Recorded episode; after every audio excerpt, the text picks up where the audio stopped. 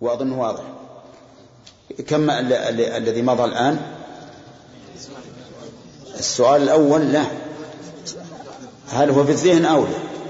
السؤال الثاني هل هو عين خارج يعني هل هو موجود الآن لكن هل هو نفس المخلوق ولا غيره؟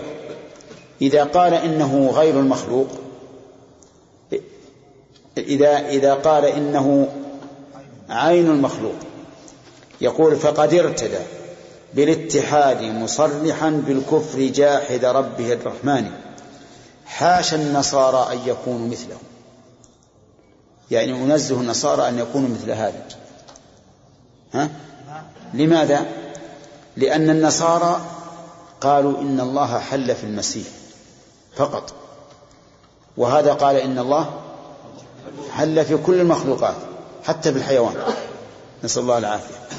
قال حاشا النصارى أن يكونوا مثله وهم الحمير وعابد الصلبان. وصفهم بأنهم حمير لأنهم يستحقون هذا لأنهم يعبدون الصليب الصليب الذي صلب عليه نبيهم. ولو كانوا عقلاء لكان يجب أن يكسروا الصليب. لماذا؟ لأنه صلب عليه نبيهم. كيف تعظمون الصليب وقد صلب عليه نبيكم؟ ولكن هذا لبلا لبلادتهم وضلالهم غير المغضوب عليهم ولا الضالين. لضلالهم وبلادتهم صاروا يعبدون الصليب الذي صلب عليه نبيهم. أدنى واحد من الناس له عقل إذا وجد الحجرة التي حبس فيها صديقه وش يعني؟ ها؟ يهدمها. يهدمها. لكن هؤلاء قال لا نعبد الصليب. إذا استحقوا الوصف الذي وصفه بهم ابن القيم. إيش؟ الحمير. أو دون الحمير وإنما كانوا كذلك لأنهم لبلادتهم. نسأل الله العافية. وأنت تتعجب من هذه العقول. لكنها ونسأل الله العافية. ذكاء بلا زكاء ما عندهم عقل. ذكاء بلا زكاء وإلا لو تأملوا قليلا لكانوا كيف يكون عيسى عليه الصلاة والسلام ربا وإلها؟ ثم يقتل. ثم يصلب. ثم تعبدون الصليب الذي صلب عليه. ولهذا يقول هم الحمير وعابد الصلبان هم خصصوه من خصصوا الله بالمسيح وأمه وأولئك ما صانوه عن حيوان. يعني قالوا إن الله سبحانه وتعالى هو كل شيء. هو المرأة والرجل والفرس والبعير والحمار والعياذ بالله وغير ذلك. لأنهم يقولون إن الله هو عين الوجود. هو عين الوجود. وإذا أقر بأنه غير الورى. السؤال أظن المد الثالث هذا. إذا قال أنا لا أقول إنه عين الخلق بل هو غيره. عبد ومعبود هما شيئان. فاسأله هل هذا الورى في ذاته أم ذاته فيه هنا أمران؟ هل هذا الورى في ذاته فيكون الخلق حالا في ذات الله؟ أو ذاته فيه يعني ذات الله في الخلق. يعني هل الخالق حل في المخلوق أو المخلوق حل في الخالق؟ طيب. وإذا أقر بواحد من ذينك الأمرين ما هما؟ إذا قال إن الخالق حل في المخلوق أو قال المخلوق حل في الخالق فهذا يقول قبل خده النصراني نعم تعظيما له. ليش؟ لأنه مثله وافقه. على حلول الله عز وجل في عيسى وأمه. فيقبل خده لأنه إيش؟ وافقه على ذلك. لكن يقول وإذا نفى الأمرين ما هما؟ بأن قال ليس داخل الوراء ولا الوراء داخله. يعني ما حل في الوراء؟ نعم نعم. ويقول أهلا بالذي هو مثلنا خشداشنا وحبيبنا الحقاني خشداشنا الظاهر من هذه كلمة أعجمية. ما ما ما أعرفها لكن يقرب الله أعلم أنه ناصرنا وولينا. ما أدري عن هداية الله موجودة عندكم هذه؟ ما هي موجودة. أما قوله حبيبنا الحقاني يعني الحبيب حقا. عندكم شيء لها؟ ها؟ وش يقول؟ يقول هذه كلمة تعظيم وهي غير عربية وإن وإن وإن في المعطل الأمر اللغة الفارسية كلمة خش يعني شيء طيب يعني. إيه. خوش ها؟ خوش بالواو. خوش. هذه خوش موجودة عندنا. خوش يعني طيب. هذه يعرفها هداية الله.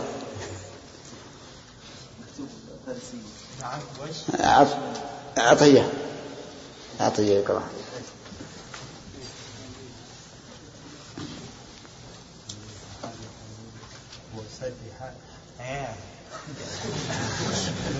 يعني على على هذا إذا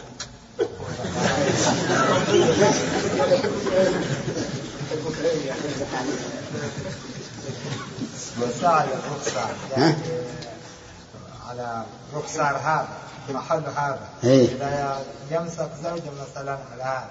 كذا والله ما أدري ما أدري. يعني يحبوا في- هذا إيه. رخصار كان نصراني. يعني نصراني. حب الخندق إيه نعم. على كل حال ما أدري والله. طيب. ما يهم.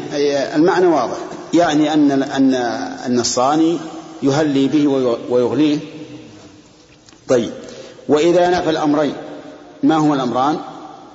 قال إنه لم يحل في الوراء ولم يحل الوراء في ذاته.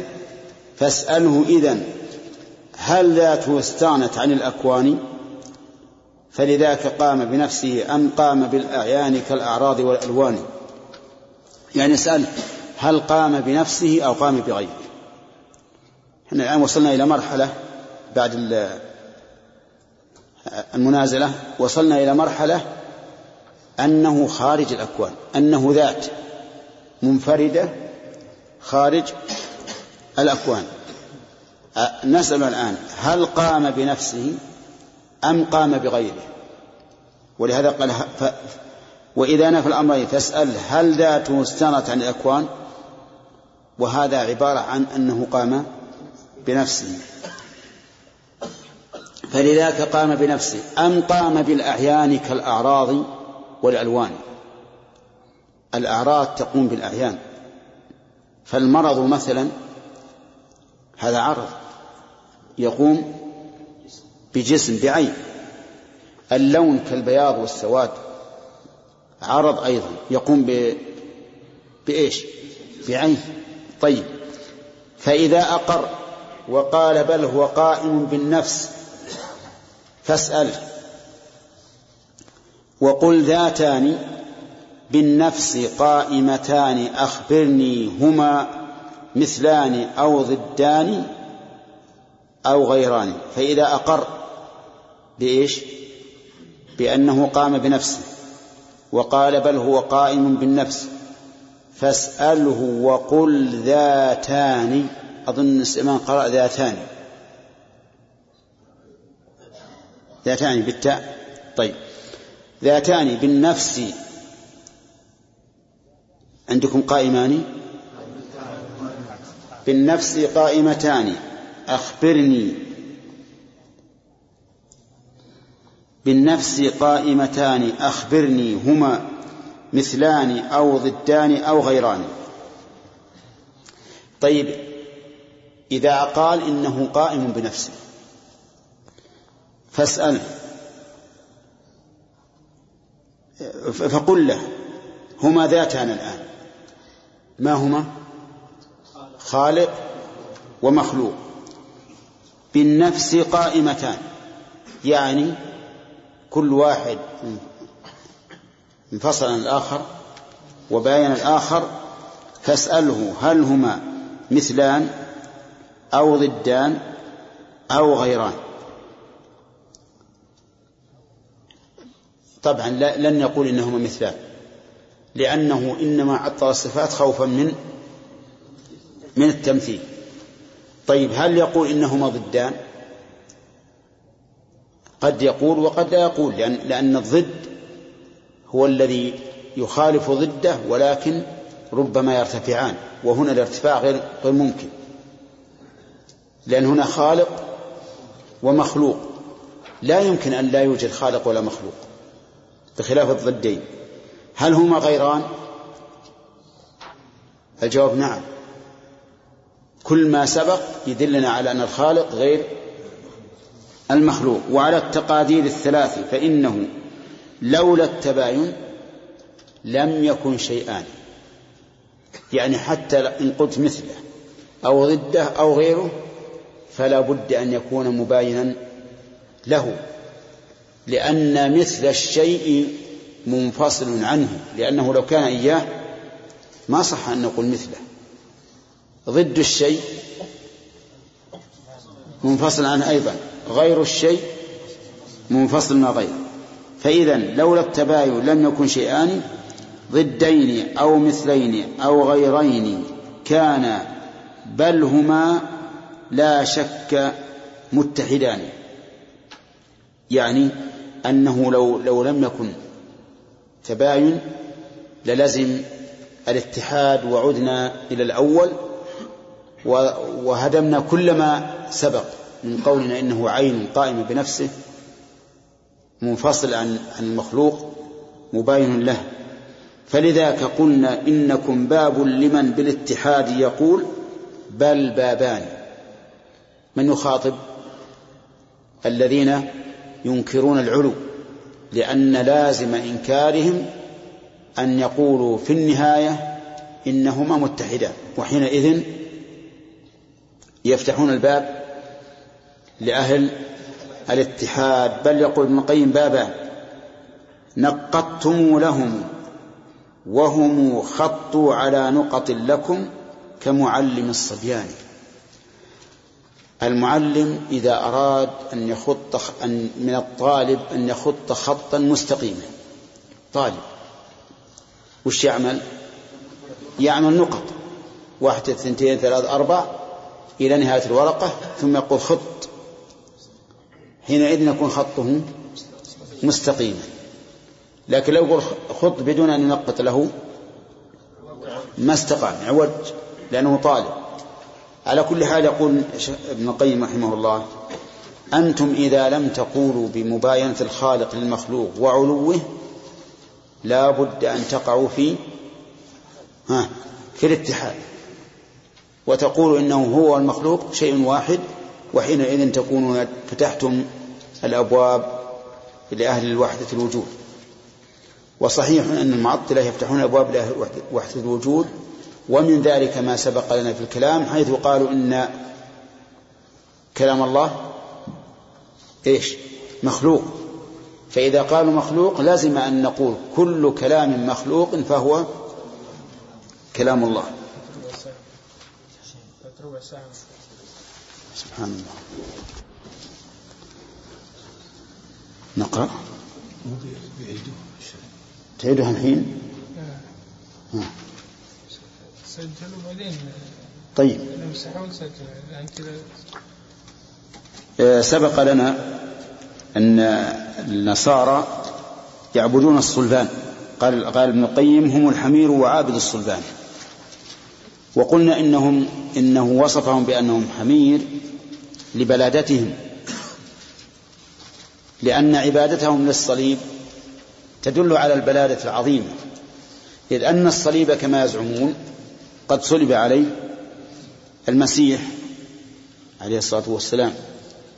وكان من الوفاء له لو كانوا صادقين أن يكسروا الصليب إذا رأوه.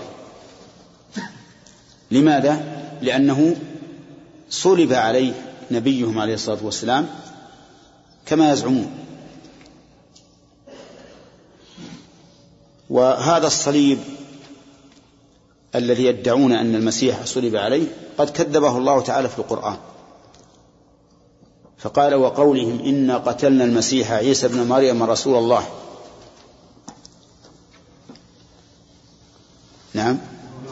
وما قتلوا وما قتلوه وما صلبوه ولكن شبه لهم. وإن الذين اختلفوا فيه لفي شك منه. ما لهم به من علم إلا اتباع الظن. وما قتلوه يقينا بل رفعه الله إليه وكان الله عزيزا حكيما. لكن تنزلا معهم وما يعتقدون في نبيهم عليه الصلاة والسلام نقول كيف تعبدون الصليب وقد صلب عليه نبيكم؟ كان الأجر بكم أن تكسروا الصليب إذا رأيتموه لا أن تعبدوه. أما نحن عقيدتنا في المسيح عيسى بن مريم أنه عبد الله ورسوله وأنه آية من آيات الله عز وجل هو وأمه.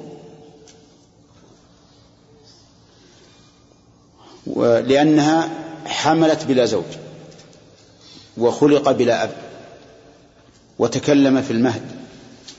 ورفع إلى السماء وهو حي وبقي وهو باق إلى يوم القيامة إلى أن ينزل في آخر في آخر الدنيا. ونؤمن بأنه ما قتل وما صلب بل رفعه الله إليه. وسينزل في آخر الزمان يحكم بشريعة النبي صلى الله عليه وسلم إلا في الجزية. فإنه لا يقبل الجزية لا يقبل إلا الإسلام. وليس هذا ابتداء شريعة ولكنه تقرير لشريعة أخبر بها من؟ الرسول صلى الله عليه وسلم. فكأن النبي عليه الصلاة والسلام يقول ستقبل الجزية إلا إذا نزل إذا نزل عيسى. هذا هو حاصل الكلام على عيسى بن مريم عليه الصلاة والسلام. وما يعتقده المسلمون فيه. نعم. بسم الله الرحمن الرحيم. فصل في الإشارة إلى الطرق النقلية الدالة على أن الله تعالى فوق سماواته على عرشه. أقول يعني في الفصل السابق قلنا أنه يعني سألهم خمسة أسئلة. نعم. فالظاهر أنه في الآخر يعني ما تنزلنا بالترتيب مع الخمسة فلو عدتها جزاك الله خير. لا أنا إن شاء الله سأكتبها لكم مع الفصل الأول. نلخصها مثل ما لخصنا التسلسل في الماضي. نعطيكم إياه إن شاء الله. نعم. ولقد أتانا عشر أنواع من المنقول في فوقية الرحمن. مع مثلها أيضا تزيد بواحد. ها نحن نسردها بلا كتمان. منها استواء الرب فوق العرش في سبع أتت في محكم القرآن. وكذلك اضطردت بلا لام ولو كانت بمعنى اللام في الأذهان. لأتت بها في موضع كي يحمل الباقي. لأتت بها في موضع كي يحمل الباقي عليها بالبيان الثاني. ونظير ذا إضمار في موضع حملا على المذكور في التبيان. لا يضمرون مع اطراد دون ذكر المضمر المحذوف دون بيان. بل في محل الحذف يكثر ذكره فإذا هم فإذا هم ألفوه إلف لسان.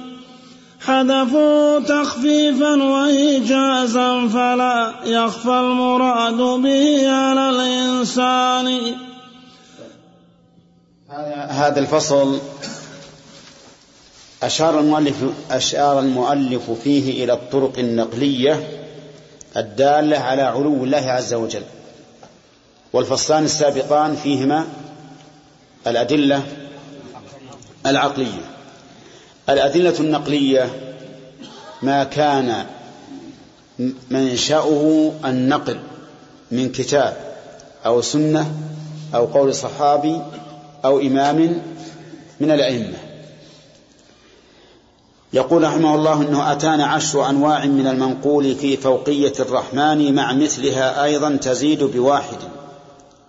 فيكون الجميع واحدا وعشرين نوعا. ها نحن نسردها بلا كتمان. جزاه الله خيرا. يسردها بيانا للحق وإظهارا له منها. أي من هذه الأنواع استواء الرب فوق العرش, العرش في سبع أتت في محكم القرآن. الاستواء ذكره الله عز وجل في سبعة مواضع من القرآن. في سورة الأعراف وفي سورة يونس وفي سورة الرعد وفي سورة طه وفي سورة يونس. نعم ذكرناه وفي سورة الفرقان وفي سورة الحديد وفي سورة السجدة. سبعة مواضع. ذكر الله كلها استوى على العرش بهذا اللفظ. وكذلك اضطردت بلا لام يعني كلها السبعة أتت باستوى ولم تأت باللام. يعني لم يقل في موضع منها استولى على العرش. بل قال استوى على العرش. ويقول ولو كانت بمعنى اللام في الأذهان لأتت بها في موضع. يعني لو كانت استوى في المعنى بمعنى استولى لأتت بها في موضع يعني في موضع واحد. من أجل كي يحمل الباقي عليها بالبيان الثاني. البيان الثاني المراد به هنا الذي أتت فيه باللام. فتحمل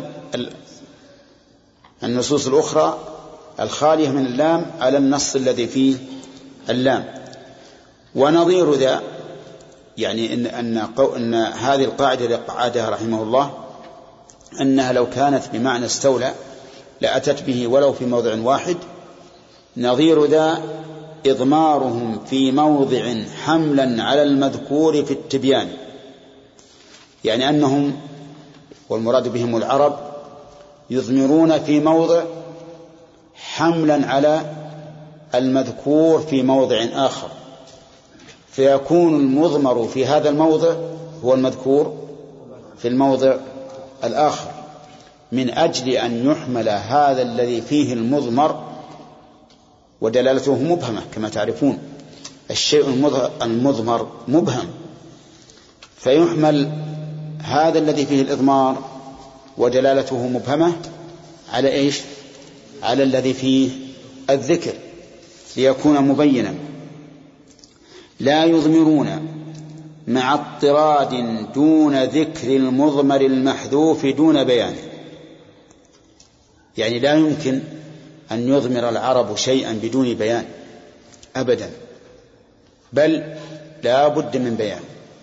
والبيان إما أن يكون في نفس اللفظ وإما أن يكون من سياق آخر. يبين. فمثلا القرية جاءت في القرآن الكريم أحيانا تضاف إليها كلمة أهل وأحيانا تحذف. إنا مهلكوا أهل هذه القرية إن أهلها كانوا ظالمين. هذه أضيفت أهل. وكم من قرية أهلكناها وهي ظالمة. قرية هنا وش ما المراد بها؟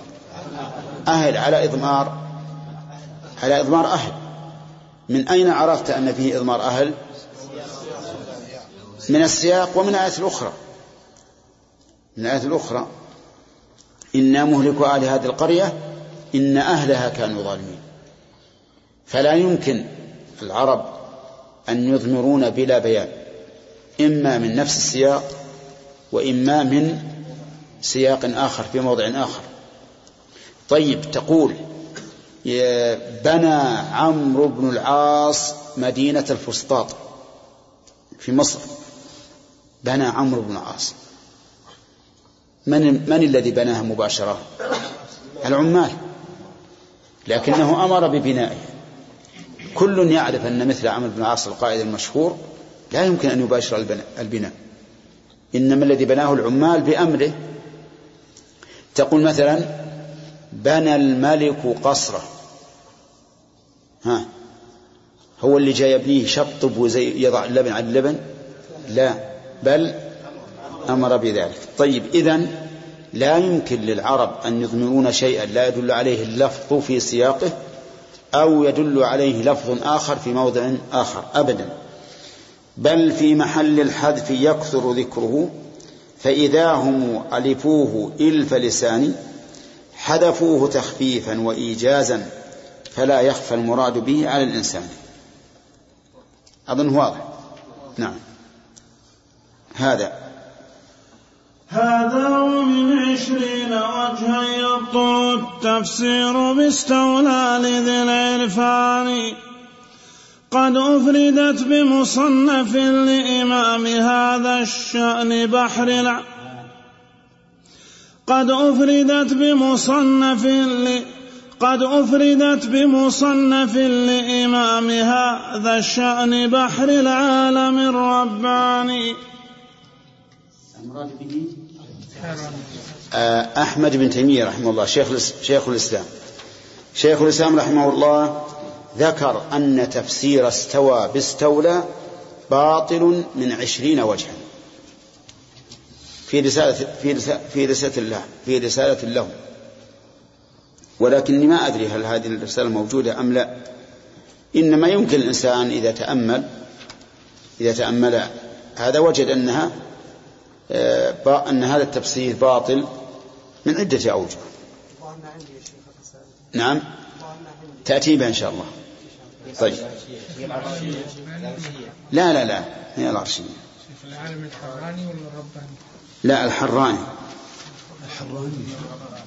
بحر العالم الحراني. خلوها نسخة ما يخالف. اجعلوها نسخة.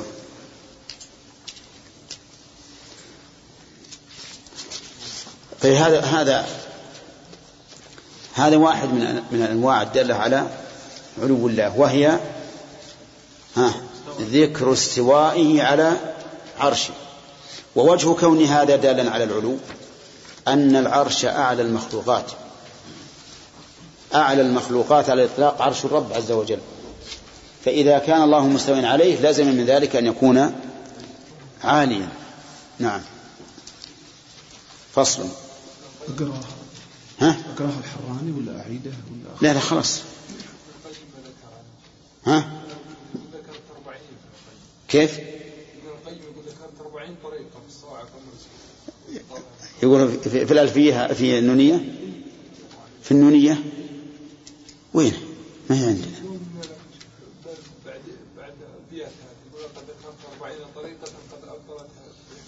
خلي تجد ما جت. إيه. هذا مختصر الصواع موجود. نعم. لا بد يكون موجود ما دام قال بيكون موجود إما في المختصر ولا في الأصل. لأن الأصل أيضا طبع الآن. الصواعق نفسها طبعت. نعم. فصل. هذا وثانيا صريح علوي ولو بحكم صريحه لفظان. لفظ خلوا خلوا بياض. ما تكون ذكرت نعم. أقول ما تكون ذكرت. يعني تكون معرفة ذكرت لقصد بيانه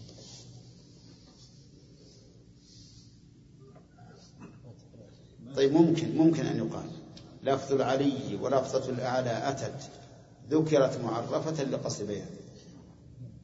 ما وجد الصرف التصرف هذا التصرف كبير. بس كلمة ذكرت بعد معرفة. شوف الآن لفظ العلي ولفظة الأعلى أتت ذكرت معرفة لقصد بيان. نعم؟ آه هذا يستقيم. تبي نكتب لعله؟ لا شوف لفظ العلي ولفظة الأعلى أتت. ذكرت معرفة لقصد بيان. أنا بكتبها بالآن نسبة هو لعل البيت. لعل البيت.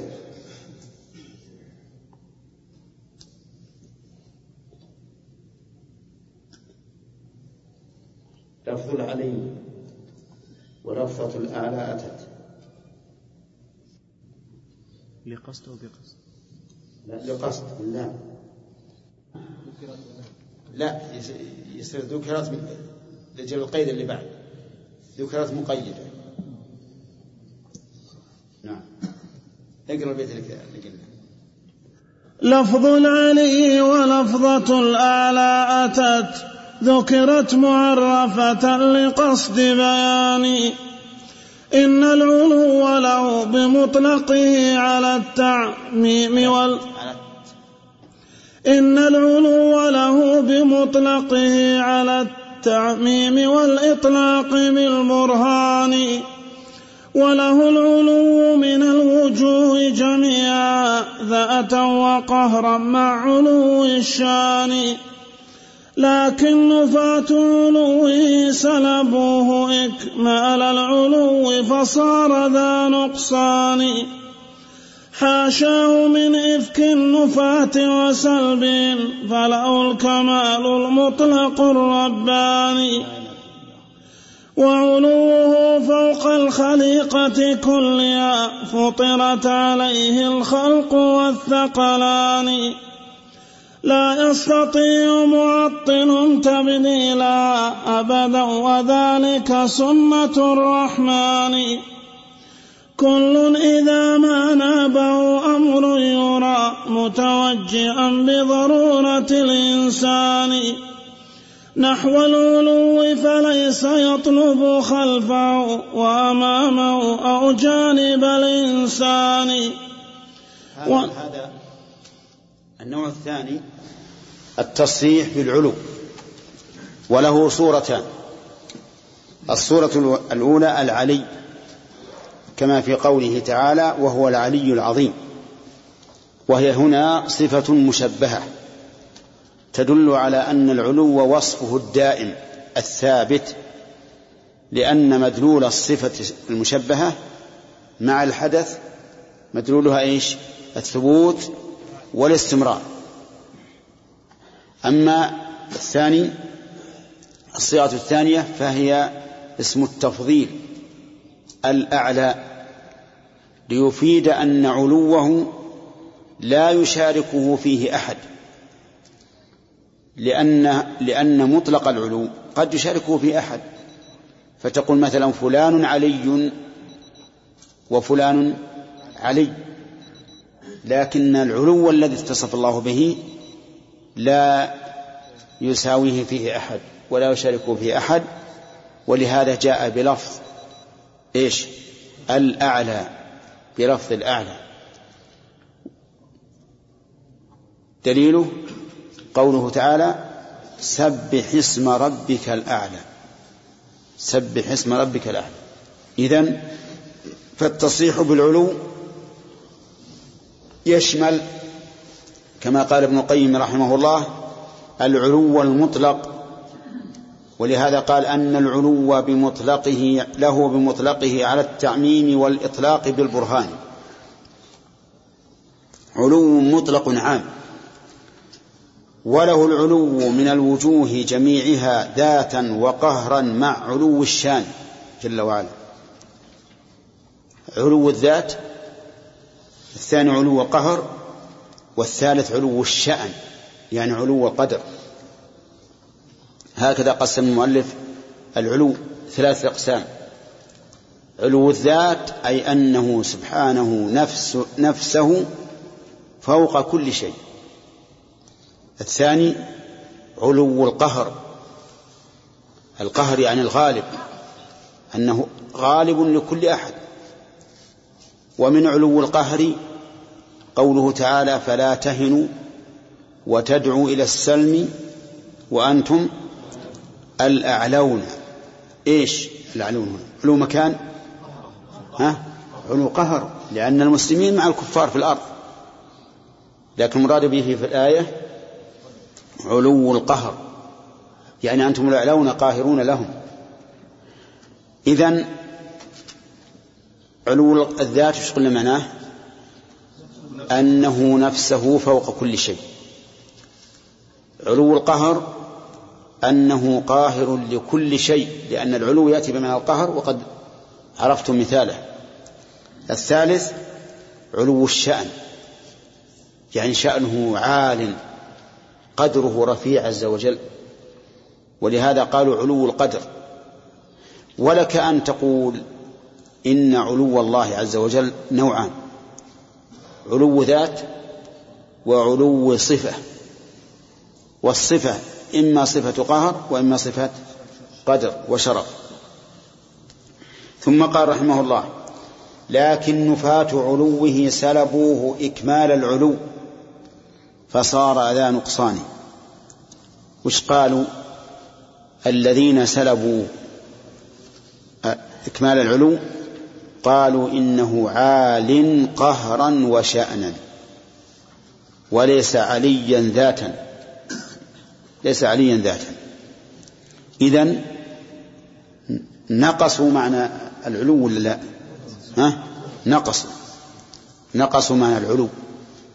نعم. وحاشاه من إفك النفاة وسلبهم فله الكمال المطلق الرباني جل وعلا. الكمال المطلق فوق من كل وجه. وعلوه فوق الخليقة كلها فطرت عليه الخلق والثقلان.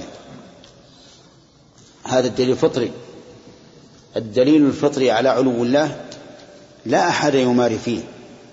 ولذلك نفس نفس الذين ينكرون علو الله إذا دعوا الله. لو تركوا أنفسهم الاعتقاد الباطل أين ينصرفون؟ إلى العلو.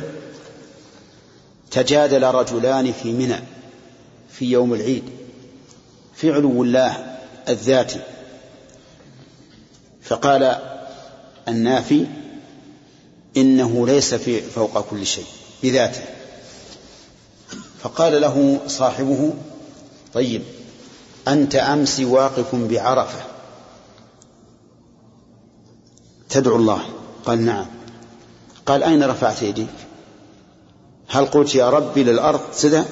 هكذا؟ ولا يا رب؟ ولا يا رب؟ ولا قلت يا رب؟ قال قلت يا رب. خلاص. قال أنت الآن حكمت على نفسك. كيف توجه يديك إلى فوق وتقول إن الله ليس فوق؟ وأنت تدعو الله. ولهذا لا يمكن لهؤلاء النفاة أن يحيدوا عن هذا الدليل الفطري أبدا. نعم. يقول لا يستطيع معطل تبديلها أبدا وذلك سنة الرحمن سنة الرحمن. سنته طريقته التي فطر الخلق عليها. جميع الناس مفطورون على أن الله عال بذاته فوق كل شيء. كل يقول ابن القيم كل إذا ما نابه أمر يرى متوجها بضرورة الإنسان نحو العلو. هذا صحيح ولا صحيح؟ كل يطلب. ولذلك قال أبو العلاء الهمداني لأبي المعالي الجويني وهو يقرر نفي علو الله في قوله كان الله ولا عرش وهو الآن على ما كان عليه.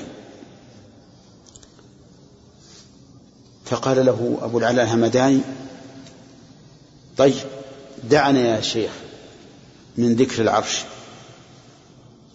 واستواء الله على العرش. لماذا يقول دعنا منه؟ لأن دليله سمعي وليس فطري. والسمع قابل للتأويل ولو تحريفا.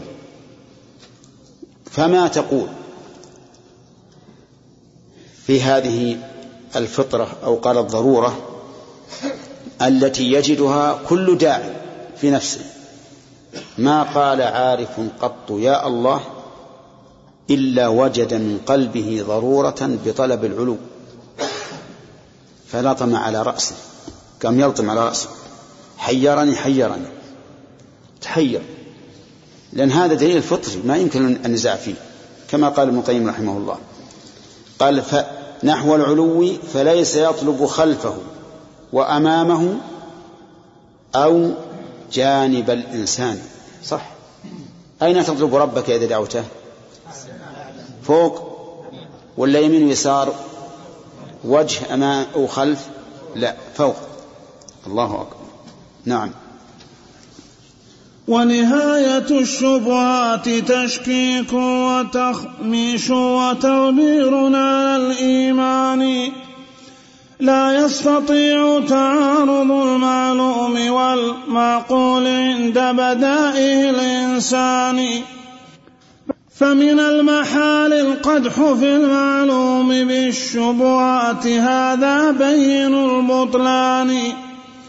وإذا البدائه قابلتها هذه الشبهات لم تحتج إلى بطلان شتان بين مقالة أوصى بها بعض لبعض أول للثاني.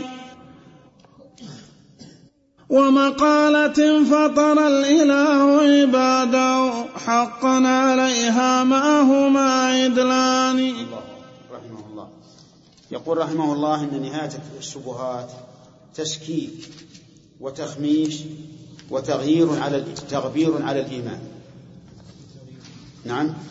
يمكن نسختين هذه نهاية الشبهات. التشكيك والتخميش وهو أشد من التشكيك والتغبير أو التغيير. فالشبهات والعياذ بالله اذا إذا لبسها القلب أو إذا ألبست القلب نسأل الله العافية فهذه نهايته يبقى الإنسان في شك وحيرة ولا يستطيع التخلص منها إلا من عصمه الله لا يستطيع تعارض المع... لا يستطيع تعارض.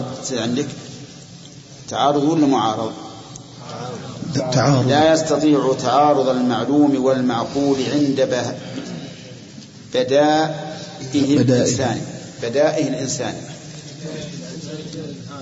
طيب. نصف عندي نصف يعني المعقول في البدائه والمعلوم في من المسموعات. المعقول بالبداهة والمسموع من المنقولات. هل يمكن لهذه الشبهات أن تعارضه؟ أسألكم ها؟ شبهات. ترد على الإنسان نسأل الله العافية. هل يمكن أن تعارض هذه الشبهات؟ ما ثبت ببداهة العقول أو بالمعلوم من المنقول؟ ها؟ لا يمكن أبدا. لأن, لأن المعلوم تزول به الشبهة والمعقول تبطل به الشبهة أيضا. ولهذا قال فمن المحال القدح في المعلوم بالشبهات. صحيح؟ يعني الشيء المعلوم هل يمكن أن أن تبطله الشبهات؟ أبدا.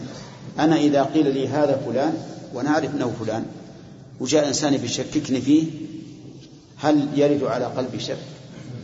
أبدا مهما كان. الشيء المعلوم لا يمكن أن تبطله الشبهات. طيب. كذلك أيضا. وإذا البدائه قابلتها هذه الشبهات لم تحتج إلى بطلان. أيضا الشبهات هل يمكن أن تبطل ما يعلم بالبداهة؟ ها؟ شو لا يمكن أبدا. ولذلك حجة من أنكر علو الله أنهم قالوا لو كان فوق بذاته لزم أن يكون محدودا بحد. والله تعالى لا تحده لا يحده شيء. هذه شبهة. هذه الشبهة لا تبطل أبدا ما كان معلوما بالسمع أو معقولا بالبداهة. وإذا البدائه قابلتها هذه الشبهات لم تحتج إلى بطلان. شتان بين مقالة أوصى بها بعض لبعض أول للثاني. وهي مقالة من؟ مقالة المعطلة الذين أنكروا علو الله. ومقالة هذا المقابل ومقالة فطر الإله عباده حقا عليها ما هما عدلان؟ صحيح. شتان بين مقالة فطر الله الخلق عليها ومقالة أوصى بها أول للثاني. مبنية على إيش الثاني؟ على الشبهات. بينهما كما بين المشرق والمغرب وكما بين السماء والأرض. ما هي المقالة التي فطر الله العباد عليها؟ هي قولنا إن الله بذاته فوق جميع مخلوقاته. هذه المقالة التي فطر الله الخلق عليها. المقالة التي أوصى بها بعض النفاق قالوا لا تقولوا إن الله فوق العالم بذاته. لا تقولوا هذا أبدا. طيب ماذا نقول؟ لهم في ذلك طريقان إما أن تقول إن الله لا فوق, لا فوق ولا تحت ولا يمين ولا شمال. ولا داخل العالم ولا خارجه ولا متصل بالعالم ولا منفصل عنه. هذا قول. أو تقول إن الله بذاته في كل مكان. شوف هذا القولان. القول الثالث قول أهل الحق إن الله بذاته إيش؟ فوق كل شيء. فوق كل شيء. وهذا هو الذي ساق المؤلف الأدلة لإثباته. والله هذا وثالثها صريح الفوق مصحوبا بمن وبدونها نوعان. إحداهما هو قابل التأويل والأصل الحقيقة وحدها ببيان. فإذا ادعى تأويل ذلك مدع لم تقبل الدعوى بلا برهان. لكنما المجرور ليس بقابل التأويل في لغة وعرف لسان. أصخ لفائدة جليل قد روى تهديك للتحقيق والعرفان.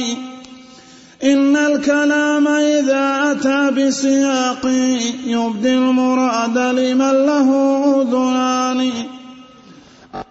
كنص قاطع لا يقبل التأويل يعرف ذا أولو الأذهان. سياقة الألفاظ مثل شواهد الأحوال إنهما لنا صنوان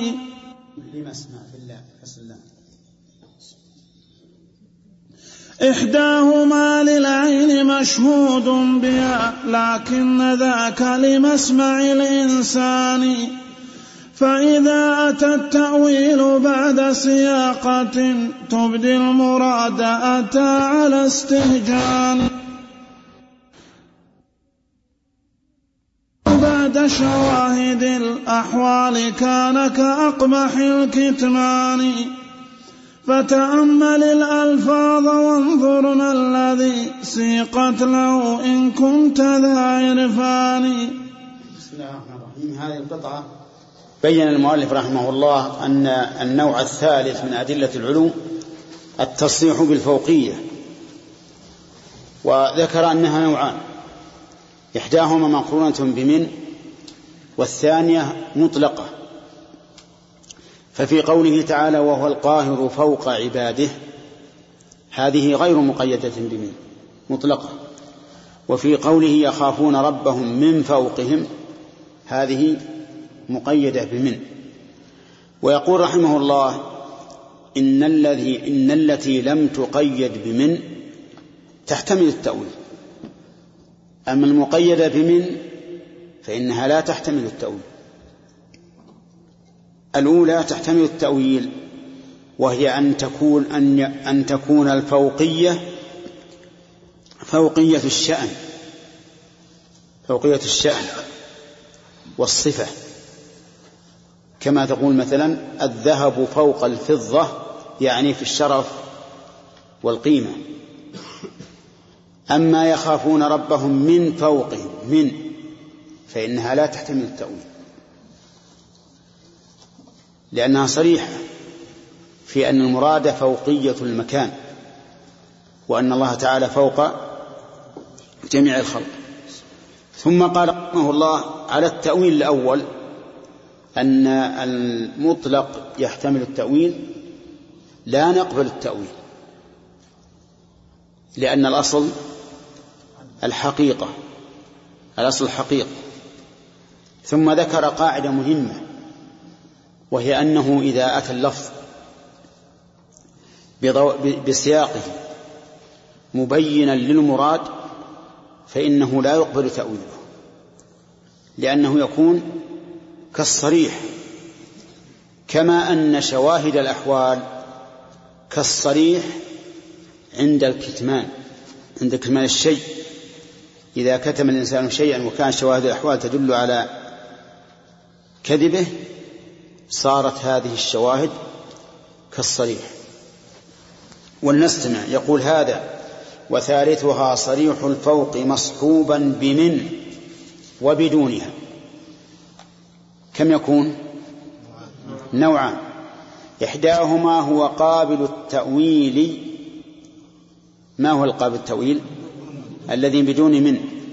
والأصل الحقيقة وحدها ببيان. يعني حتى على قولنا بأنه قابل التأويل في الأصل الحقيقة وعدم التأويل. فإذا ادعى تأويل ذلك مدع لم تقبل الدعوى بلا برهان. إذا ادعى تأويل ذلك مدع. وقال إن المراد بكذا كذا على خلاف الأصل فإنه يقول لم يقبل أو لم تقبل الدعوة بلا برهان أي بلا دليل. وأظن هذا ظاهر لكم أظن هذا ظاهرا لكم. أنه يحمل الكلام على حقيقته وأصله ولا تقبل دعوى التأويل إلا إلا بدليل. لكنما المجرور بإيش؟ بمن؟ لكنما المجرور ليس بقابل التأويل في لغة وعرف لسان. يخافون ربهم من فوقهم. لأن الفوقية المعنوية فوقية الشأن لا تأتي بمن. من تأتي لابتداء المكان. فيكون الفو... يكون مكان الله عز وجل إيش؟ فوق. ولا تقبل غير هذا. ثم قال وأصخ يعني استمع لفائدة جليل قدرها تهديك للتحقيق والعرفان. بين هذه الفائدة بقوله إن الكلام إذا أتى بسياقة ب... ها؟ إن الكلام إذا أتى بسياقه يبدي المراد لمن له أذنان أضحى كنص قاطع لا يقبل التأويل يعرف ذا أولو الأذهان إذا أتى الكلام بسياقه على وجه يبين المراد. أنا عندي نقطتين بسياقه ها؟ كذلك؟ وين اللي رد عليه وقال سياقه؟ إن الكلام إذا أتى بسياقة. ما يخالف. لا يبدي الكلام. ما هم أي. ها؟ المهم هل فيه نسخة توافق نسختي ولا لا؟ خلاص. إن الكلام إذا أتى بسياقة يبدي المراد لمن له أذنان. يعني إذا أتى بسياقة معينة يعني بصيغة معينة فإنه يبدي المراد لمن له أذنان يعني يظهره. أضحى كنص قاطع لا يقبل التأويل. يعني إذا كان سياقه يبدي المراد فإن هذا يكون إيش؟ كالنص القاطع الصريح. لا يقبل التأويل يعرف ذا أولو العرفان. فسياقة الألفاظ مثل شواهد الأحوال إنهما لنا صنوان. إحداهما للعين مشهود بها لكن ذاك لمسمع الإنسان. فإذا فإذا نعم. سياقة الألفاظ مثل شواهد الأحوال. كل منهما يعين المراد. شواهد الأحوال أحيانا تكون كالصريح. ولعله ليس ببعيد عنكم قصة سلام بن مشكم حينما أنكر مال حيي بن أخطب. وقال إنه لم يترك مالا. فقال النبي عليه الصلاة والسلام المال كثير والعهد قريب. يعني كيف وين راح؟ ثم دفع الرجل إلى الزبير بن عوام. فلما مسه بعذاب قال اصبر. أنا أرى حيي بن أخطب يحوم حول هذه الخربة فابحثوا عن ماله. فبحثوا عن ماله فوجدوه مدفونا بهذه الخربة وإذا هو ملء مسك ثور من الدنانير والذهب. ها؟ مسك من مسك الثور يعني جلد الثور. الشاهد من هذا أن قرائن الأحوال صارت كالصريح كشواهد الألفاظ. يعني كأنهم كأن هذه القرينة قالت لهم إن عنده مالا ولم ينفد ماله. يقول إحداهما للعين مشهود بها.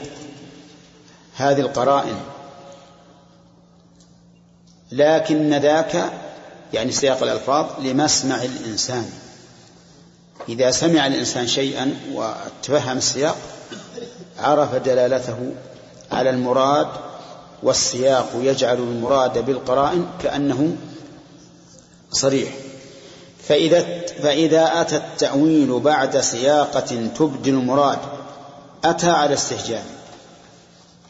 صحيح. إذا أتى التأويل وهو صرف اللفظ عن ظاهره بعد سياقة تبدي المراد ماذا يكون هذا التأويل؟ مستهجنا مردودا لا يقبل. وإذا أتى الكتمان بعد شواهد الأحوال كان كأقبح الكتمان. هذا أيضا صحيح. إذا أتى الكتمان بعد شواهد الأحوال صار من أقبح الكتمان. كقضية الرجل الذي ذكرنا. ها؟ حيي بن أخطر. هذا شواهد الأحوال تدل على أن له مالا موجودا. نعم.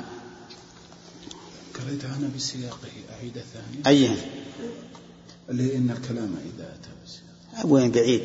طيب.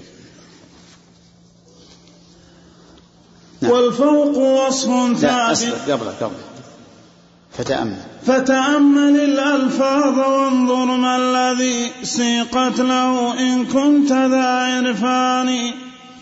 والفوق وصف ثابت بالذات من كل الوجوه لفاطر الأكوان.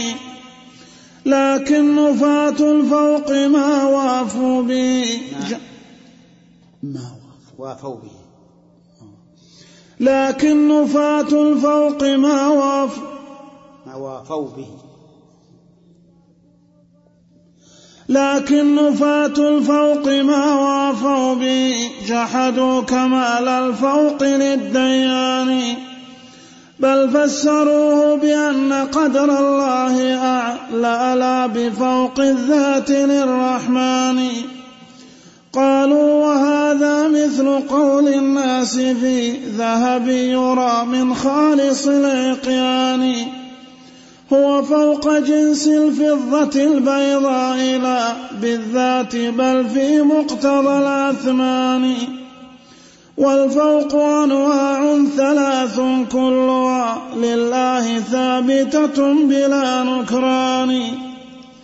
هذا الذي قالوا وفوق القهر والفوقية العليا على الأكوان. هذه القطعة أيضا يقول المؤلف رحمه الله تأمل الألفاظ وانظر ما الذي سيقت له.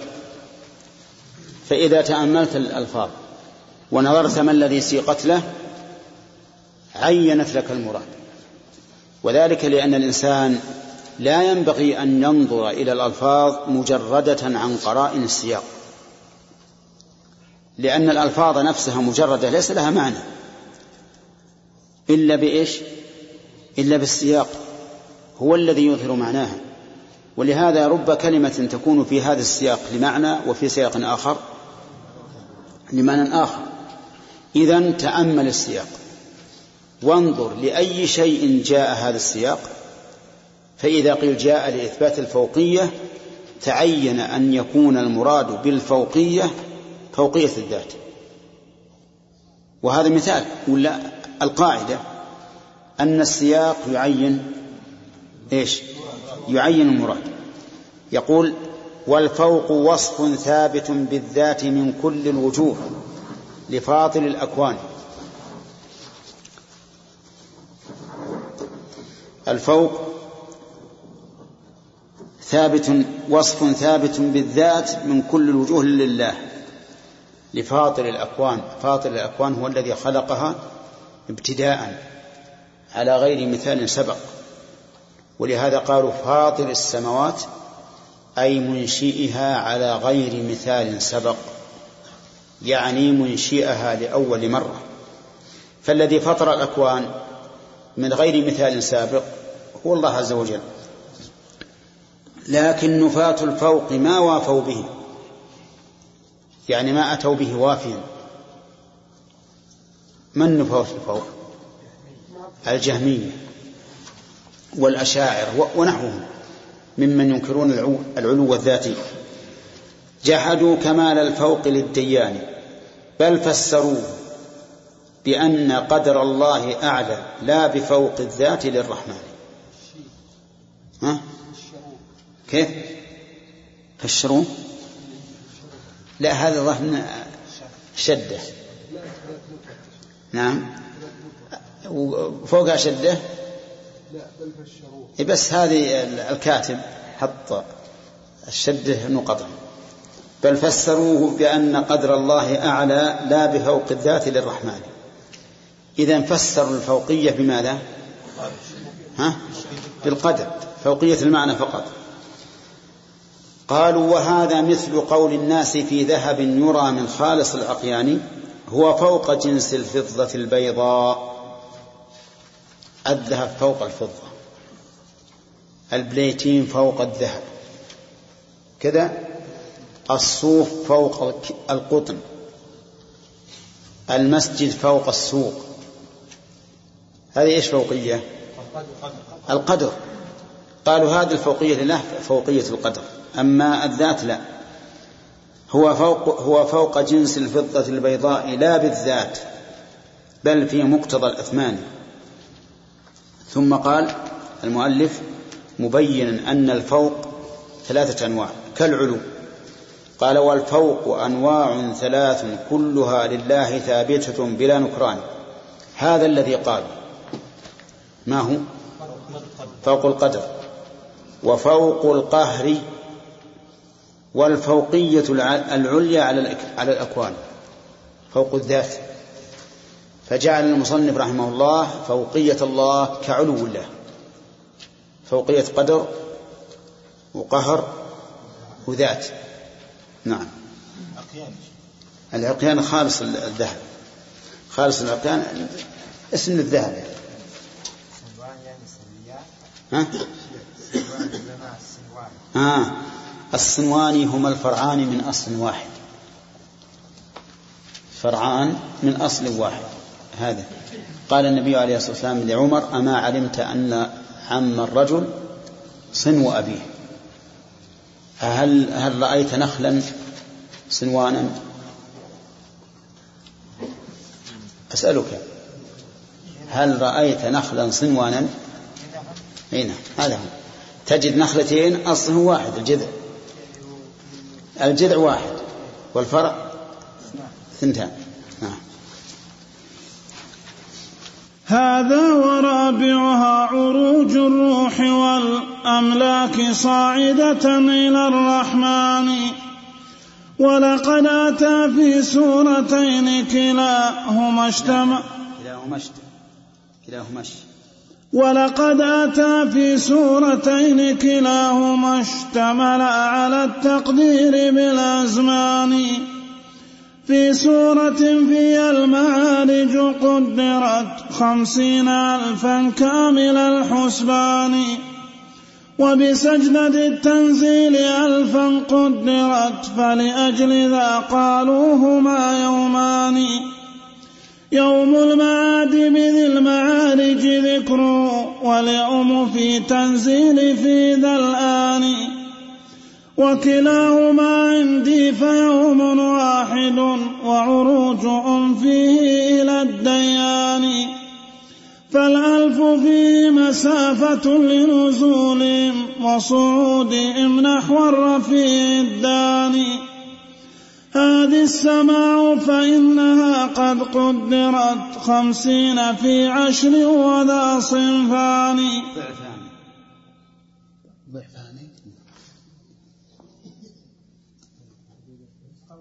ضعفان لا الظاهر أصل. أصل.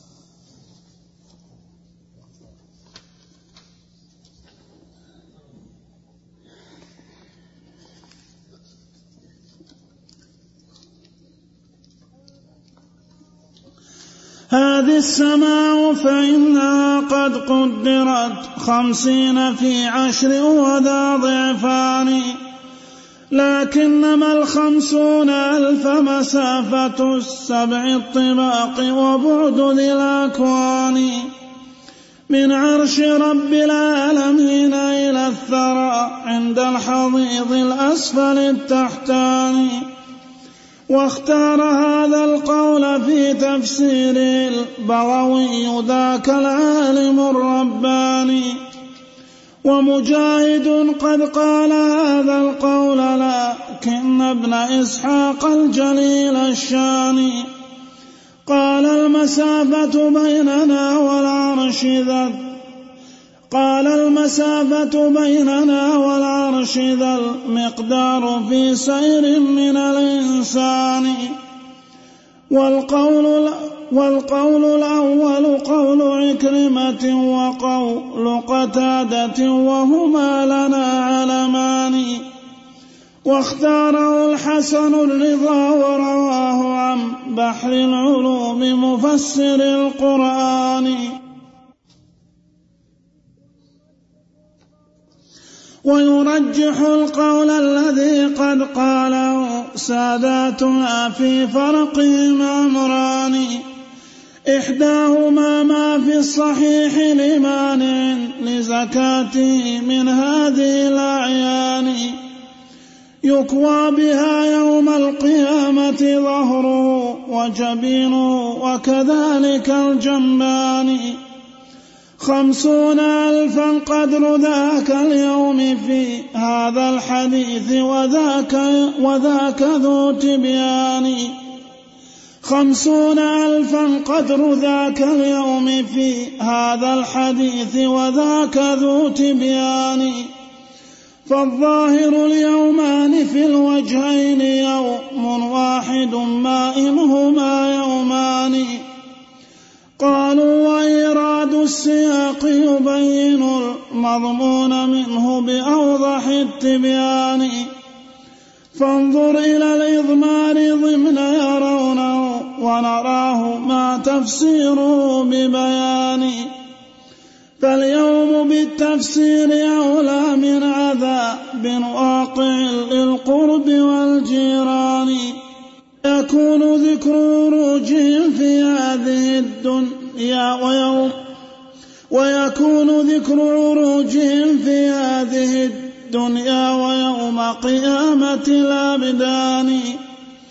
فنزولهم أيضا هنالك ثابت كنزولهم أيضا هنا للشان وعروجهم بعد القضاء كعروجهم أيضا هنا فلهم إذا شأنان.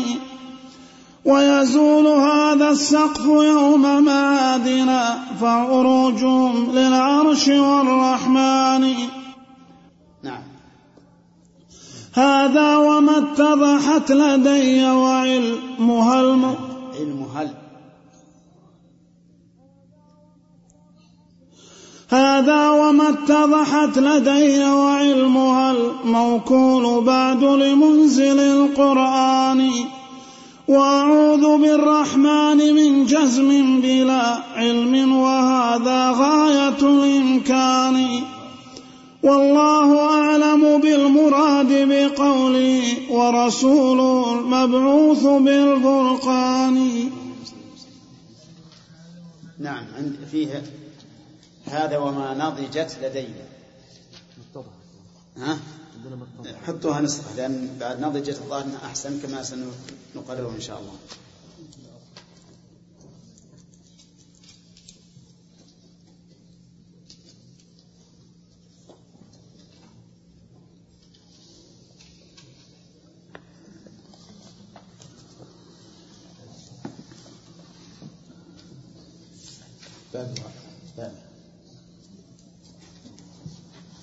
الكلام هذا الفصل رحمه الله فيما يتعلق بالنوع الرابع من الأدلة الدالة على علو الله جل وعلا.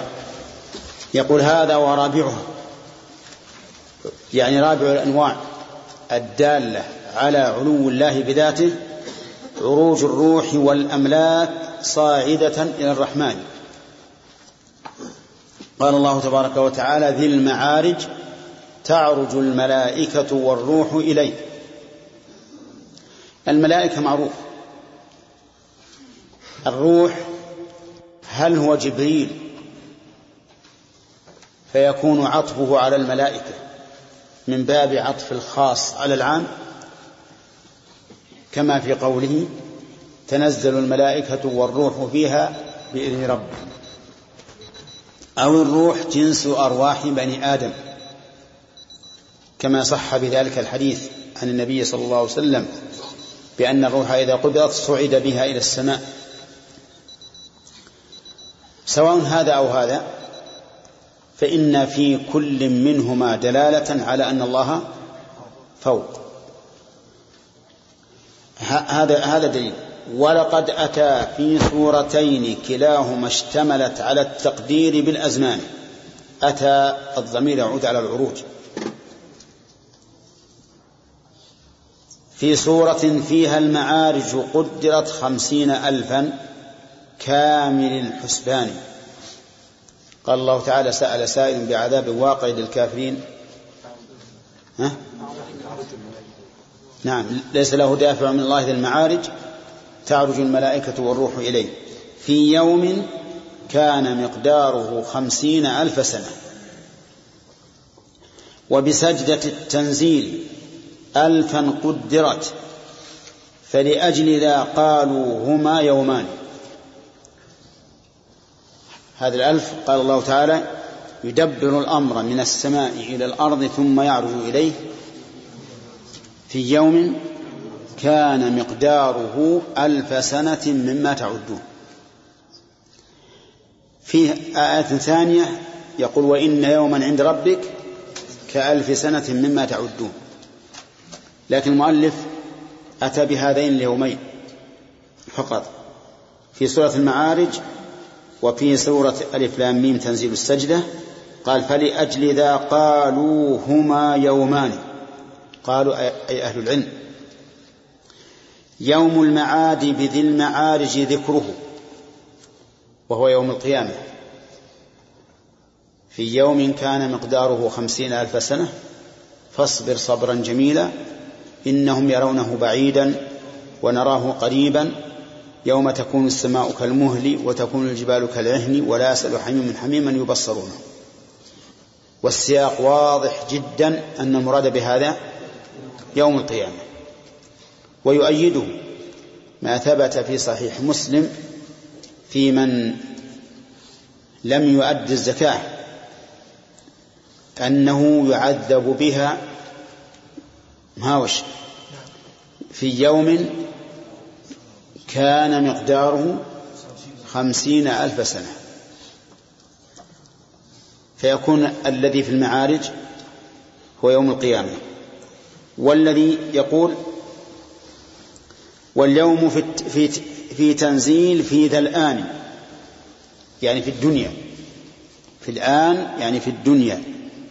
اليوم اللي فيه تنزيل السجدة ليس يوم القيامة.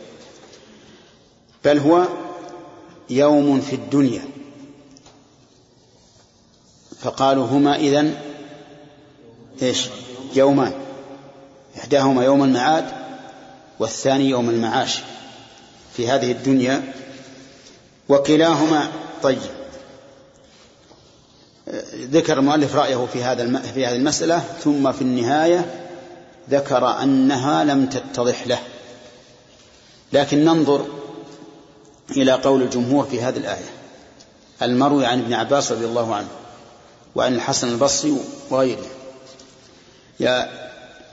يقول الله عز وجل يدبر الأمر من السماء إلى الأرض ثم يعرج إليه في يوم كان مقداره ألف سنة مما تعدون. السياق وكما علمنا ابن القيم رحمه الله يعين أن المراد بهذا اليوم يوم في الدنيا. لأن فيه هو اللي فيه التدبير ثم العروج. يدبر من السماء إلى الأرض ثم يعرج. نزوله من السماء خمسمائة وصعوده من الأرض إلى السماء خمسمائة. والمسافة التي بين السماء والأرض خمسمائة كما جاءت به الأحاديث. وعلى هذا فيكون اليوم الذي في سورة من تنزيل السجدة هو يوم في الدنيا وليس يوم القيامة. والذي في المعارج هو يوم القيامة. وحينئذ لا تعارض بين الآيتين إطلاقا. لا تعارض. والسياق يؤيد هذا بل يعينه. وأما ما اختاره ابن القيم ثم في النهاية تردد فيه فسيأتي القول فيه إن شاء الله. العالمين والصلاة والسلام على نبينا محمد وعلى آله وأصحابه أجمعين. من النوع الرابع مما يدل على علو الله عز وجل ما ذكره الله تعالى في عروج الأشياء إليه أي صعودها. يقول المؤلف إنه أتى في سورتين كلاهما اشتمل على التقدير بالأزمان. في سورة, في سورة فيها المعارج قدرت خمسين ألفا كامل الحسبان وبسجدة التنزيل ألفا قدرت فلأجل ذا قالوا هما يومان. قالوا يعني العلماء هما يومان يوم المعاد بذي المعارج ذكره واليوم في التنزيل في ذا الآن أي في الدنيا. هذا هذا الذي عليه جمهور أهل العلم وهذا هو الحق. هذا هو الحق. وذلك لأن الله تعالى قال في سورة ألف لام تنزيل السجدة يدبر الأمر من السماء إلى الأرض ثم يعرج إليه. وهذا يدل على أن هناك سماء وهناك أرضا وهناك تدبير وهناك تدبيرا من السماء إلى الأرض ثم يعرج إليه في يوم يعني في يوم واحد في لحظة واحدة. كان مقداره ألف سنة. مقدار هذا الذي يأتي في يوم وقد يكون في لحظة واحدة لأن في للظرفية واليوم ظرف والظرف أوسع من المظروف. يعني هذا التدبير يكون في يوم. قد يكون في لحظة. اللحظة في يوم ما خرجت عن طول اليوم. وذلك أن مسافة ما بين السماء والأرض خمسمائة عام. هذا النزول. الصعود يدبر الأمر من السماء إلى الأرض ثم يعرج إليه. الصعود خمسمائة. الجميع ألف. في يوم كان مقداره ألف سنة مما تعدون ذلك عالم الغيب والشهادة العزيز الرحيم الذي أحسن كل شيء خلقه. وهذا واضح. جدا من السياق أنه في الدنيا وواضح جدا من المعنى أنه ليس في الآخرة لأن الذي في الآخرة مقداره خمسون ألف سنة. ولنأتي إلى اليوم الثاني في الآخرة يقول الله عز وجل سأل سائل بعذاب واقع للكافرين.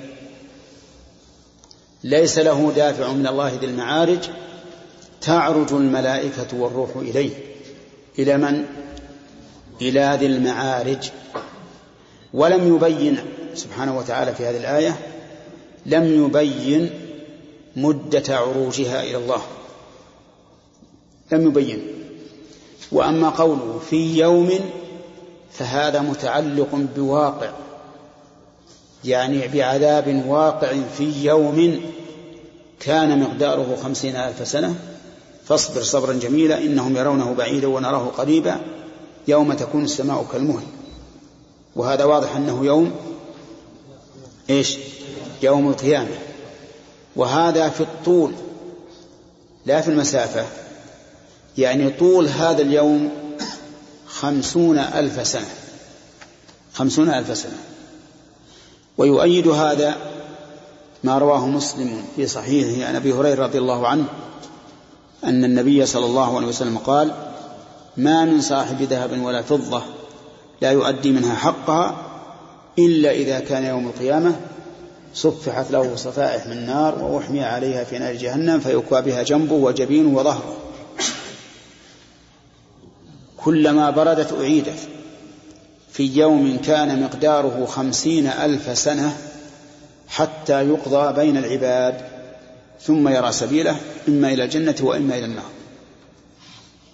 فالآية والحديث يدلان دلالة صريحة على أن هذا اليوم هو يوم إيش؟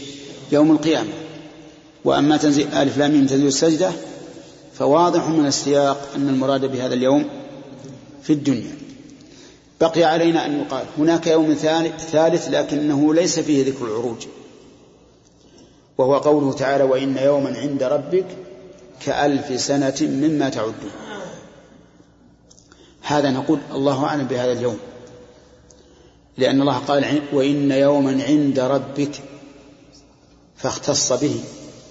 ولا ندري ما هذا اليوم. يقول هذا يوم عند الله ولا نعلم عينه لأن الله لم يذكر ما يدل على تعيينه. إذن فالقول الراجع في الآيتين الكريمتين ما قاله جمهور أهل العلم أن الذي في سورة ألف لام تنزيل السجدة في الدنيا يدبر الأمر من السماء إلى الأرض ثم يعرج إليه. وأن الذي في وأن الذي في سأل في سورة المعارج هو يوم القيامة. وعلى هذا فيكون قول تعرج الملائكة والروح إليه منقطعا عما بعده. يكون منقطعا عما بعده. وهو كالتفسير لقوله إيش؟ لقوله ذي المعارج. لماذا وصف نفسه بذي المعارج؟ قال لأن الملائكة والروح تعرج إليه. فالجملة هذه كالتفسير والبيان لقوله ذي المعارج. قال المؤلف رحمه الله وكلاهما عندي فيوم واحد. كلاهما الضمير يعود إلى اليوم الذي في ألف لام تنزيل السجدة واليوم الذي في في سأل طيب وعروجهم فيه إلى الديان فالألف فيه مسافة لنزولهم وصعودهم نحو الرفيع الداني هذه السماء فإنها قد قدرت خمسين في عشر وذا ضعفان. طيب. يقول فالألف فيه مسافة لنزولهم وصعودهم نحو الرفيع الداني هذه السماء فإنها قد قدرت خمسين في في عشر. وذا ضعفان. خمسين في عشر كم؟ خمسمائة. هذا الصعود. خمسمائة هذا النزول. هذه ألف. ولذا قال وذا ضعفان. لماذا صار ضعفين؟ لأنه بين صعود ونزول. لكنما الخمسون ألف مسافة السبع الطباق وبعد ذي الأكوان عن من عرش رب العالمين إلى الثرى عند الحضيض الأسفل التحتاني يعني خمسون الألف التي بسأل يراد بها ما بين أس ما بين قاعة الأرض السفلى إلى العرش. يكون خمسين ألفا طيب كيف ذلك؟ نعم.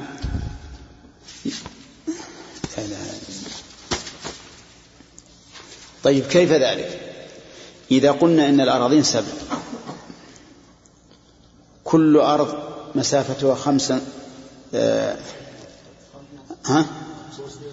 خمسون خمسمائة عام خمسمائة عام كما الجميع؟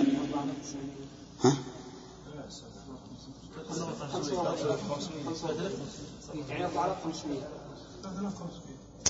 ثلاثة آلاف وخمسمائة. من سبع أراضين في خمسين. ثلاثة آلاف في خمسمائة ثلاثة آلاف وخمسمائة 350 ألف لا يا أخي. 50 ألف في سبع. أراضين. كل أرض خمسمائة. 500 فقط. إيه نعم. كل أرض خمسمائة. الجميع؟ ثلاثة آلاف وخمسمائة. طيب أضف إليها خمسمائة ما بين السماء والأرض. أصبر. أضف إليها خمسمائة سمك السماء. ها؟ طيب وبين السماء الثانية والأولى خمسمائة. يعني مثلا السماوات سبع سبعة آلاف. السماوات سبعة آلاف. باعتبار ما بين كل سماء وسماء وكثر أو سمك كل سماء. سبعة في خمسمائة. ثلاثمائة وخمسين. نعم ثلاثة آلاف وخمسمائة. وسبعة في خمسمائة ثلاثة آلاف وخمسمائة. الجميع سبعة آلاف. عندنا بالأرض كم؟ ثلاثة آلاف وخمسمائة. هذه عشرة آلاف وخمسمائة. طيب. وبعض العلماء يقول إن كث كل أرض خمسمائة.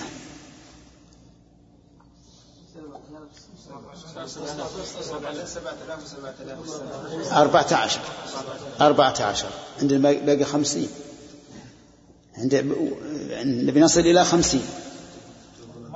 ست وثلاثين يقولون ما بين السماء السابعة والعرش. أو العرش هم يقولون العرش. طيب من أين لنا هذا؟ يعني من أين لنا أن ما بين السماء السابعة والعرش ست وثلاثون؟ ولكن إن كانوا يريدون تكميل العدد ما ندري. ليكون خمسين. ولهذا كلما تأملت هذا القول وجدته ضعيفا جدا. وخمسون ألفا المقدرة المقدر بها في سأل ما هو بالمسافة ولكن للمدة للمدة لطول الزمن. يعني مقداره خمسون ألف سنة. نعم. هذا باعتبار الطول. لا باعتبار المسافة. والأمر هذا واضح. ولهذا ابن القيم رحمه الله في النهاية في النهاية تردد. في النهاية تردد وقال إنه قد أشكل عليه. ولننظر. قال واختار هذا القول في تفسيره البغوي ذاك العالم الرباني. ومجاهد قد قال هذا القول لكن ابن إسحاق الجليل الجليل الشاني قال المسافة بيننا والعرش ذا المقدار في سير من الإنسان. يعني معناها ابن إسحاق قال إن اختلاف الزمن أو اختلاف التقدير ما بين ألف إلى خمسين ألف باعتبار السير. فلو أن الإنسان سار من من تخوم الأرض السفلى إلى العرش لكان مقداره خمسين ألف سنة. وأما الملائكة فألف سنة. فجعل الفرق بين هذا العددين العددين العددين وهو فرق كبير باعتبار باعتبار السير وهذا أيضا ضعيف. لأنه لأن هذا هذا الجمع مستكره في الواقع. لا نلجأ إلى مثل هذا الجمع إلا عند الضرورة. وليس هناك ضرورة تجعلنا نجعل اليومين يوما واحدا. ننفك عن كل هذه التأويلات المستكرهة بأن نقول ها هما يومان. يوم القيامة هو اليوم في الدنيا. قال والقول الأول قول عكرمة وقول قتادة وهما لنا علمان. واختاره الحسن الرضا ورواه عن بحر العلوم مفسر القرآن. طيب. كل هؤلاء الذين اختاروه كلهم أئمة. أجل من الذين اختاروا ما ذهب إليه ابن القيم رحمه الله. قال ويرجح القول الذي قد قاله ساداتنا في فرقهم أمران. يرجح قول من؟ قول الجمهور وهذا من عدل ابن القيم وإنصافه رحمه الله. حيث ذكر ما له وما عليه. إحداهما ما في الصحيح لمانع لزكاته من هذه الأعيان. الأعيان يعني جمع عين وهو الذهب والفضة يكوى بها يوم القيامة ظهره وجبينه وكذلك الجنبان. خمسون ألفا قدر قدر ذاك اليوم في هذا الحديث. وذاك ذو تبيان. واضح؟ هذا يؤيد. يؤيد قول الجمهور. وأن المراد بخمسين ألفا ألف سنة نعم في سورة سأل يوم القيامة. ولهذا قال فالظاهر اليومان في الوجهين يوم واحد ما إنهما يومان. الظاهر اليومان في الوجهين يوم واحد.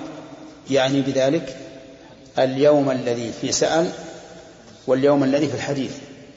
أنهما يوم واحد ما إنهما يومان. ما نافية وإن زائدة. إن زائدة. ونظير هذا قول الشاعر العربي. بني غدانة ما إن أنتم ذهب ولا صريف ولكن أنتم الخزف. الشاهد قوله ما إن أنتم ذهب إن هنا زائدة. والتقدير ما أنتم ذهب. طيب.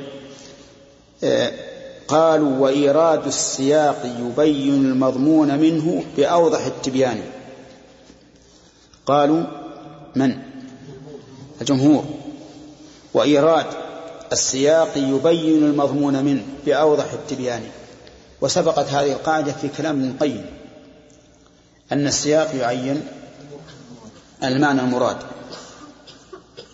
ثم قال فانظر إلى الإضمار ضمن يرونه ونراه ما تفسيره ببيان فاليوم بالتفسير أولى من عذاب واقع للقرب والجيران. طيب. انظر إلى الإضمار ضمن يرونه. ما ونراه. ما تفسيره ببيان. يعني ما هو التفسير الذي يبينه؟ قال فاليوم بالتفسير أولى من عذاب واقع للقرب والجيران. نقرأ الآية. سأل سائل بعذاب واقع للكافرين ليس له دافع من الله ذي المعارج. تعرج الملائكة والروح إليه في يوم كان مقداره خمسين ألف سنة. فاصبر صبرا جميلا. إنهم يرونه بعيدا ونراه قريبا. يرونه الضمير يعود على من؟ هل هو العذاب ولا اليوم؟ نعم. ابن القيم يقول إنه يعود إلى اليوم. يقول فاليوم بالتفسير أولى من عذاب واقع. لماذا؟ للقرب. لأن الضمير يعود إلى أقرب مذكور. يعود إلى أقرب مذكور. ولكن نقول في الجواب عن هذا إنه حتى وإن قلنا إنه عائد إلى اليوم إنهم يرون اليوم قريبا بعيدا ونراه قريبا. نقول نعم. حتى لو عاد إلى اليوم لا إلى العذاب فإن العذاب أين يقع؟ في اليوم. فإذا قرب العذاب قرب اليوم. وإذا بعد العذاب بعد اليوم. وعندي أنه لا لا فرق بين أن نقول أن الضمير يعود على اليوم أو يعود على العذاب. نعم. فهو على كل تقدير لا يدل على ما ذهب إليه ابن القيم رحمه الله. بل إنهم يرون هذا اليوم بعيدا ونراه قريبا. بل إنهم أنكروا هذا اليوم ويقولون متى هذا الوعد إن كنتم صادقين. أو إنهم يرون العذاب بعيدا ونراه قريبا بل هم أنكروه واستبعدوه. ولا فرق. ولكن الذي يتبين به المعنى أن نقول قوله في يوم كان مقداره. انتبهوا. هل هو متعلق بتعرج أو متعلق بعذاب؟ إيه بواقع. ها؟ نقول بواقع. يعني واقع في هذا اليوم. سأل سائل بعذاب واقع للكافرين في هذا اليوم. في يوم كان مقداره خمسين ألف سنة. وتعرج الملائكة والروح تبع لقوله ذي المعارج وانقطع الكلام بها. وحتى لو قلنا إن قوله في يوم متعلق بتعرج فإنه لا يتعين به ما ذهب إليه ابن القيم. لأنه من الجائز تعرج الملائكة وروح إليه في ذلك اليوم يعني يوم القيامة. ممكن. في المعارج تعرج الملائكة والروح إلى الله في ذلك اليوم. ولا مانع. فإن الملائكة في ذلك اليوم قد تعرج إلى الله عز وجل بما شاء الله. وعلى كل تقدير فإن ما ذهب إليه ابن القيم رحمه الله يدل على أن الإنسان مهما بلغ في العلم